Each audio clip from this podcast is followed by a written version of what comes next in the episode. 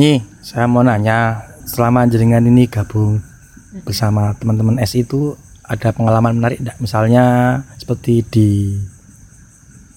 kirimi atau di tes gitu pernah? cerita ini berarti saya Enggak mbak apa-apa. Jadi anu maksudnya biar teman-teman juga paham bahwa eh, membuat konten seperti ini itu juga tidak mudah. Kadang-kadang ada juga yang kadang-kadang orang yang ingin tahu seberapa sih kok berani-beraninya bikin konten kayak gitu gitu loh. Insya Allah kok banyak mbak Banyak ya.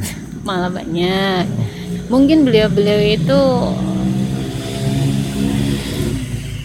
kepo atau penasaran terhadap saya atau mencoba apakah siapa sih kamu kok seperti ini atau menelisik lebih dalam kayak gitu itu banyak begitu dan yang ke rumah itu ya kita tinggal tidur aja lah mbah. Ngapain bahas kayak gitu? Mm-mm. ngapain kita memperdulikan kayak gitu?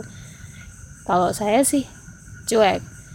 Saya berpedoman hidup mati saya di tangan Allah. Begitu kan mbah?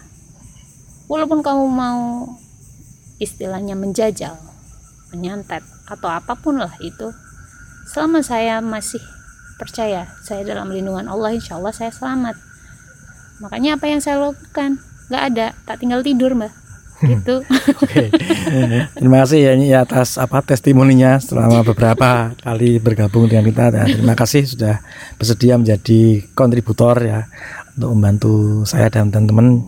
Mudah-mudahan apa yang menjadi harapan teman-teman semua untuk channel ini menjadi lebih berkembang bisa terlaksana ya dimudahkan jalannya. Ya. ya dan juga tujuan awal kita kan buat konten ini tidak serta merta kita cuma membedah goib aja ya mbak ya sama aja dengan kemarin kita ingin eh, semua saling saling mengingatkan istilahnya karena kita juga manusia biasa kemarin sempat jenengan bilang kita manusia biasa ya kita bikin konten kita juga ingin semuanya ya, menjadi baik kita ada yang ngingetin tambah saudara tambah sedulur kan begitu. Insya Allah saya sangat setuju kali begitu mbak.